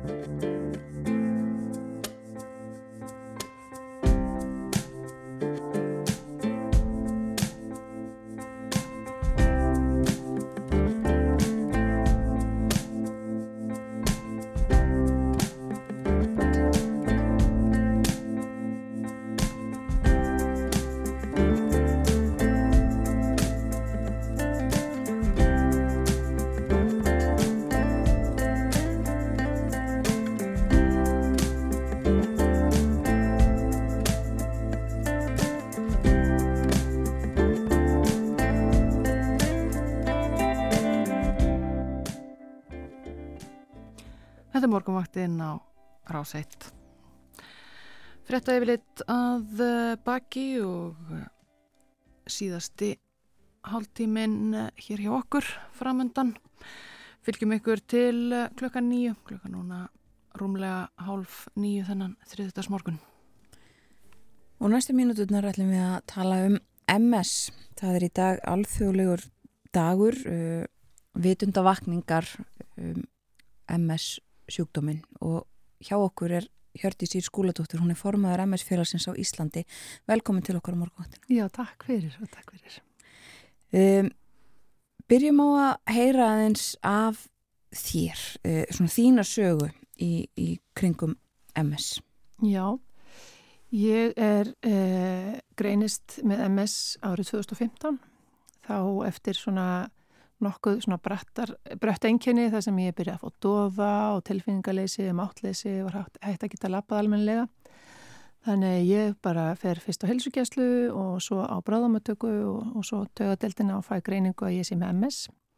Og þetta var árið 2015 og það held ég að bara verið lukka í mínu lífi að hafa í fyrsta lagi ekki greinist fyrr og hafa fengið MS, það er margt gott sem hefur, hefur gefið mér í mínu lífi og mörg tækifæri sem hafa opnast og breytt mínu við þarf við svona til lífsins og hvað, fyrir hvað ég stend og hver ég í rauninni er. En svona held yfir þá eh, heldur, held ég alveg mínu stryk, ég er í vinnu og, og hérna er bara eina af þeim hefnu held ég með minn sjúkdóm. Já.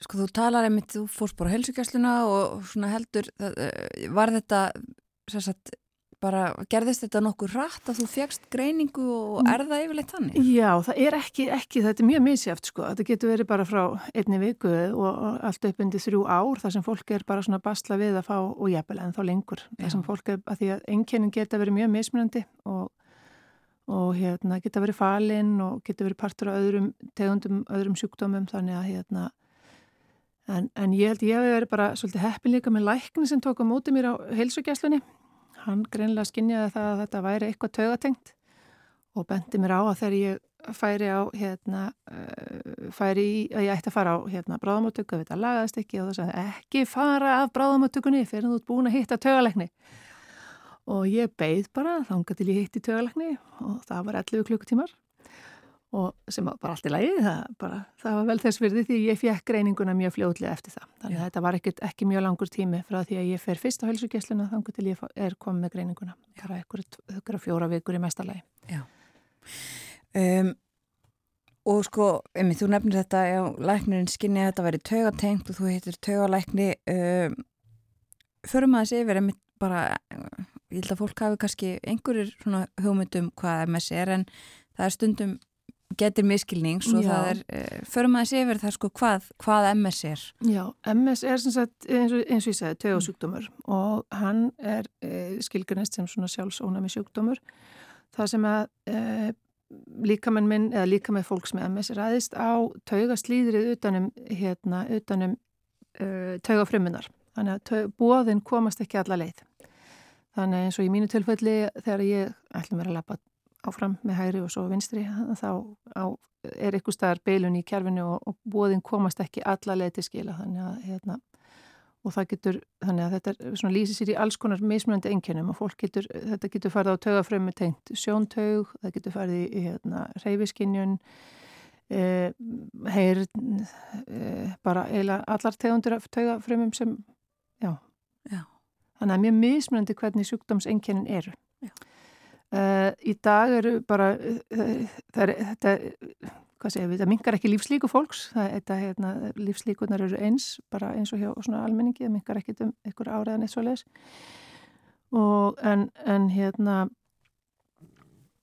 uh, hann getur verið mjög mismöndur tvær tegundir af, tegasjúkt, af MS, annars að það MS sem fólk fær í köstum og þá koma bara svona köst uh, og svo er e, síversnun sem er, er, sem er þannig að það bara smátt og smátt e, mingar það eðaleggjast þessi slíð, slíður utanum og það bara smátt og smátt mingar getan til, til reyfing, e, já bara svona Já. almenn geta. Já, En, en e, kastaformið er miklu algengara og í dag er, er hérna, mjög góð liv til við e, MS í kostum sem að stoppa kostin eða koma í veg fyrir kostin að miklu leiti.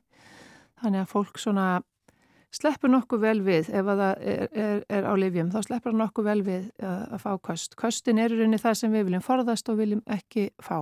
Já. Þegar við sem erum með svona e, kastaform af, af sjúkdómnum. Já. Að því að kostin geta skilið eftir sig ör og ef að kostin eru slæm og ekki gripið inn í nógu snemma þá geta kostin skilið eftir sér nokkuð slæmur og þau eru ekki hægt að, ekki hægt að laga. Einmitt, ég ætlaði einmitt að spyrja þig um það hvernig, mm. hvort þetta hefði varanlegar afleggingar. Já, í flestum tilfellum gera það ekki en, en það getur alveg gert það og svo svona, getur líka komið svona setna í sjúkdóminum þegar að, hérna, maður er búin að vera lengi með MS að þá breytist hann úr svona kastaformi og fer í svona, uh, svona bara versnun. Þannig að þá smátt og smátt mingar reyfi geta eða heyrn eða eftir hvar, eftir hvar sjúkdóminu leggst á. Já.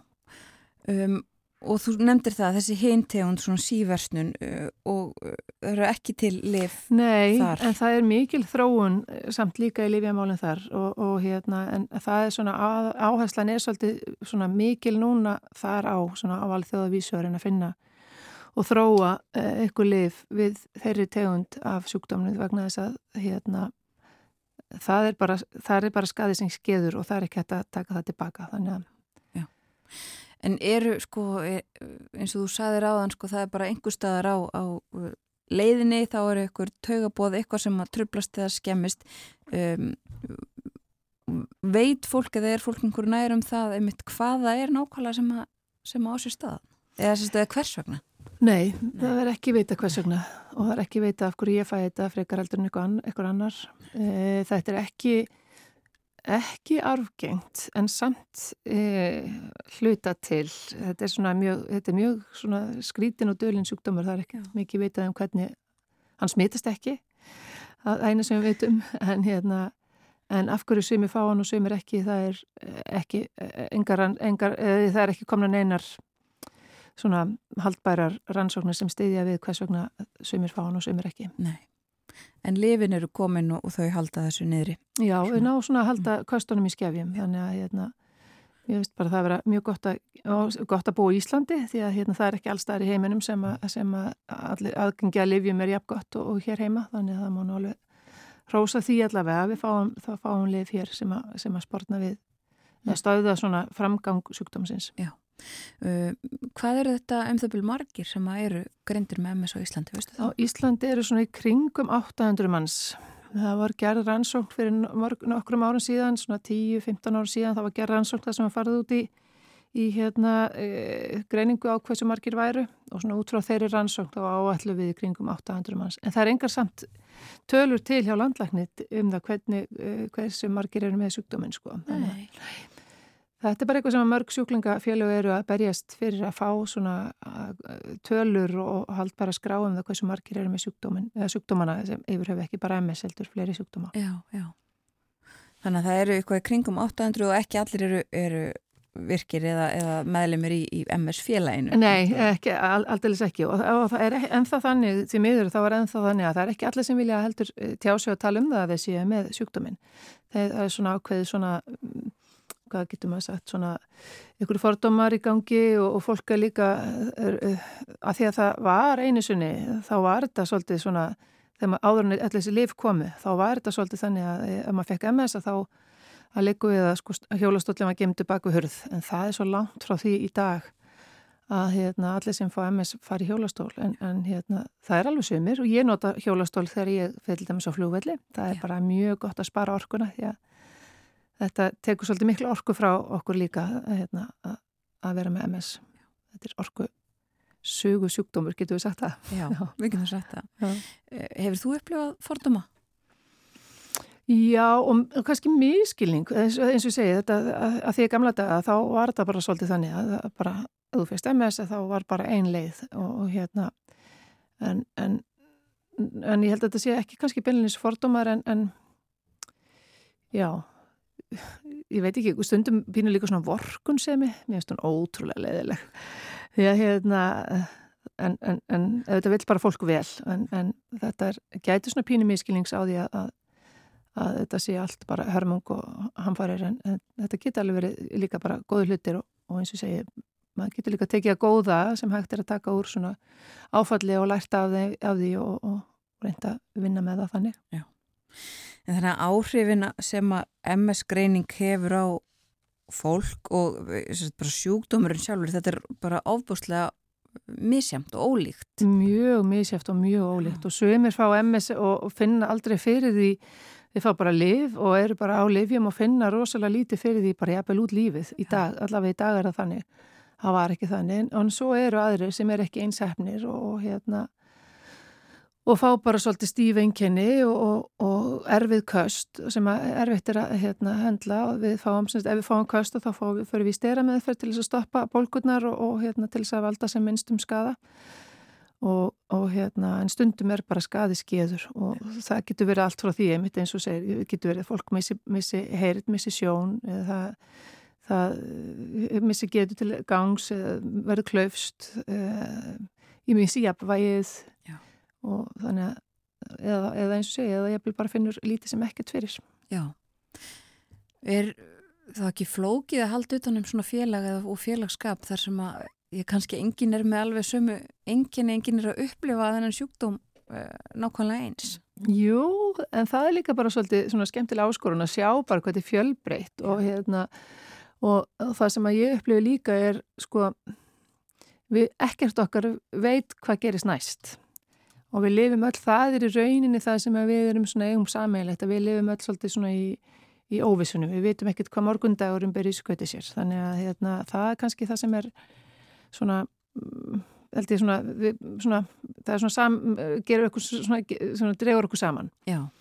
en hérna við reynum í félaginu reynum við svolítið að horfa á ungt fólk með núna, það er einn ungt fólk og nýgreint fólk að það er, getur náttúrulega verið gríðalegt högg fyrir fólk bara í blómalífsins að fá e, greiningu að það sé með bara langvarandi ólæknandi sjúkdóm. Það er ekkert, e, það er, er svo sem ekkert grín. Nei.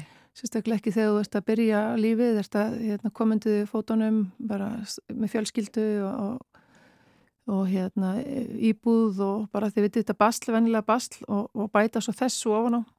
Þannig að félagið hefur svona reynd svolítið að leggja áherslu núna upp á síkast eða hérna, draga það fólk fram og sína fram og bara það er alveg von og fólk getur alveg gert alls konar hluti og og hérna, og svo reynum við líka alltaf, erum við alltaf með námskeið fyrir þá sem eru nýgreindir, þetta rauðum þau líka saman, þannig að þau finnir styrk í hvort öðru og ég fyrir mitt leiti, þegar ég greinist þá fær ég, ég í svona hóp og við hittumst og við erum í reglulegu sambandi og leitum alltaf til hvers annars og eigum hvort annað að þá var gott að eiga svona hóp í kringu sig, fólk sem að skilur mann og, og hérna, þó að það sé þessi mismunandi enginni og getur verið frá því að vera tröflun og líktaskinni og í það að vera bara algjörlega komin í hjólastól eða að hérna þá bara eigið bara samt sammeilegt að vera, vera öll með MS og, já. Já, og gott að leita til hvort, hvort annars. Já, eh, bara aðeins að því, þú nefndi þetta, e, e, sko á hvað aldrei er fólk yfirleitt þegar það fær þessa greiningu? Algengast, algengast er að greinast millir 20 og 40. Það er svona aldurinn sem er algengast að greinast. Já, já.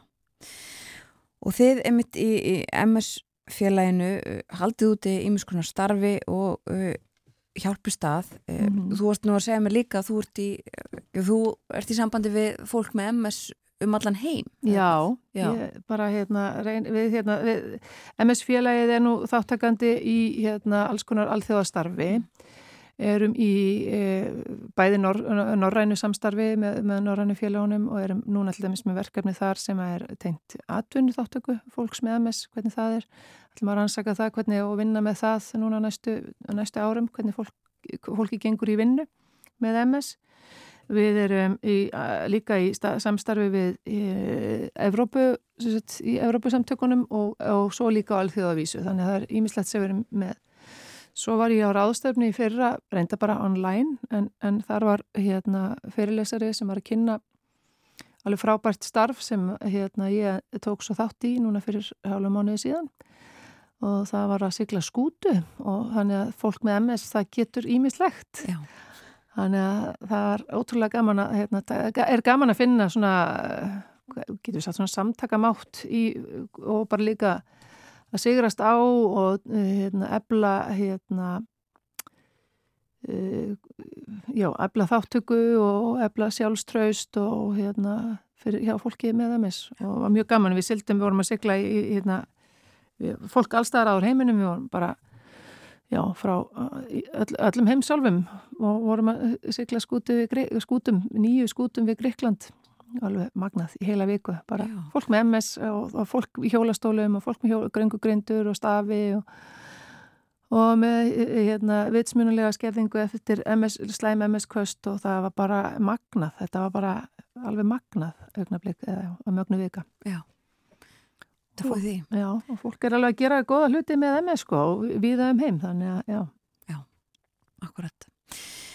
Og þið ætlið að uh, halda upp á þennan dag eða daga að, þetta eru mm. tveir dagar. Já, það er sko svona á al, alþjóðavísu, þá erum við með, er vitundavakning, bara, mæ er bara vitundavakninga mánuður og hérna er búið að vera mjög öflugt svona uh, samfélagsmiðla, hérna, sagt, samfélagsmiðla bomba sem við erum að reyna bara að vekja aðeins máls á, e, á, á sjúkdómnum, á MS og hvað, hvernig lífið er með MS og bara, bara minna á okkur og svo í dag er sem sagt alþjóða dagur MS og við á Íslandi fögnum alltaf síðasta meðugudag í mæ og morgun verðum við með risaháttíð og, og hérna, skemmtilega hluti í gangi hjá okkur. Kæra þakki fyrir að koma til okkar á morgunvaktina Hjörti Sýr skóladóttir og, og segja okkur frá í bæði þinnisögu og, og bara almennt um MS og MS félagið á Íslandi. Já, takk fyrir að taka mótið mér.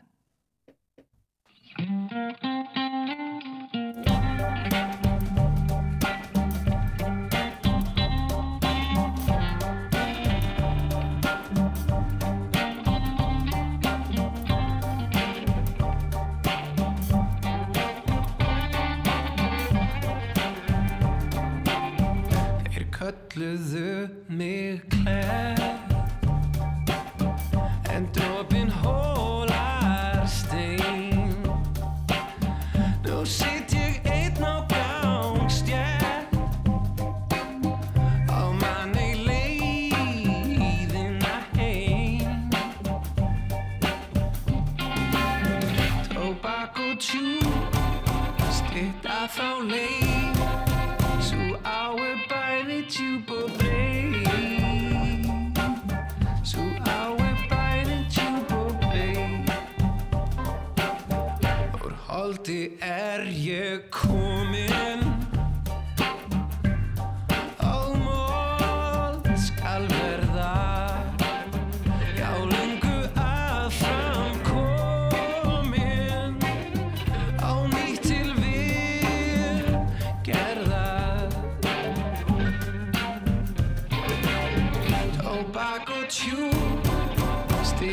þá leið Svo á er bæði djúb og breið Svo á er bæði djúb og breið En ég á mér draum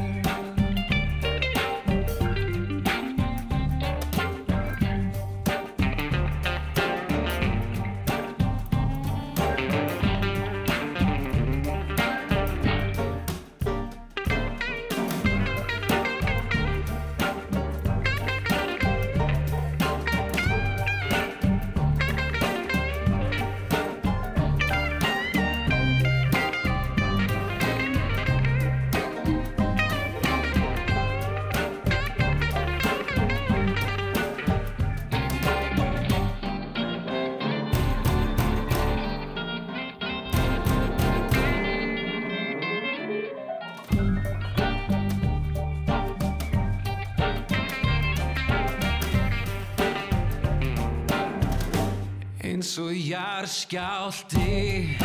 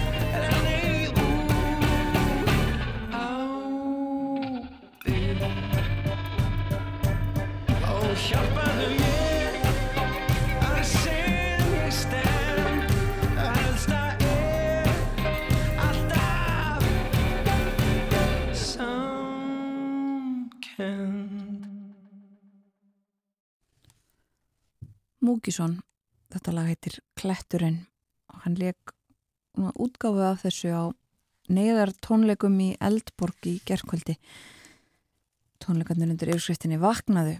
Þetta voru tónleikar vegna ópíóiða faraldur sem að kostar mörg mannslíf og hefur kostað á þessu ári. Tónleikar sem voru í beinu útsendingu í sjónvarpinu í gerðkvöldi og hægt að styrkja, ég held nú að þessi en hægt að styrkja þessa, uh, þessa fjáröflun. Þó að tónleikarnir séða baki, þetta var Ellen Kristjánsdóttir sem stóð fyrir tónleikonum í samstarfi við Rúf, Hörpu og fleiri fjölmarki tónlistamenn sem að þarna komu fram. Verkvöld halda áfram í dag hjá BSRB, það var uh, óformlegur fundur hjá sáttasemjara í gær. og eh, skref aftur á bakk í deilunni var haft eftir um, haft eftir fundarmönnum. Sonju Ír Þorbergsdóttur formanni BSRB uh, eh, og sagði að deilan væri því miður enn í hörðum hnút og fundurinn gerði hana ekki auðveldari. Það ber einfallega mikið í milli. Og í dag þá uh, halda verkföllin áfram Leðbennendur á leikskólum í Kópavogi, Garðabæ, Mósalsbæ, Hveragerði, Árborg, Vestmanægjum, Skagafyrði, Borgarbygð, Stikisólmi, Grundarferði og Snæfellsnesi. Snæfellsbæ leggja niður störfi dag á morgun og á fymtudag og í Ölfusi leggja hafnastarsmenn niður störfi dag og á fymtudag en í Vestmanægjum á morgun. Og á óbreyttu þá hefjast enn frekari verkvall og e, verkvallsaðgerðir í næstu viku og Það er gert ráð fyrir uh, já, allsherjar verkvalli frá og með næsta mánudegi. Uh, þá eru verkvall á leikskólum, í höfnum, bæjarskrifstofum, áhaldahúsum og þjónustumiðstöðum, sundlegum og íþróttamannverkjum í almenningssamgöngum og vinnuskólum. Og verkvallinu þetta hafðu líka áhrif um helgina fjölmarkar sundlegar og íþróttamannverki uh, um landið sem voru voru lókuð vegna þessa. En þess er að ljúka hjá okkur í dag. Eh, morgunvaktin búin að vera á dagskroni síðan stemmi morgun. Rættum ímislegt efnahagsmálin, eh, málefni ímiskonar frá Þýskalandi og nú síðast á rættum við um MS sjúkdóminn, lífið með honum og, og framþróun sem hefur verið mikil á undarförnum árum.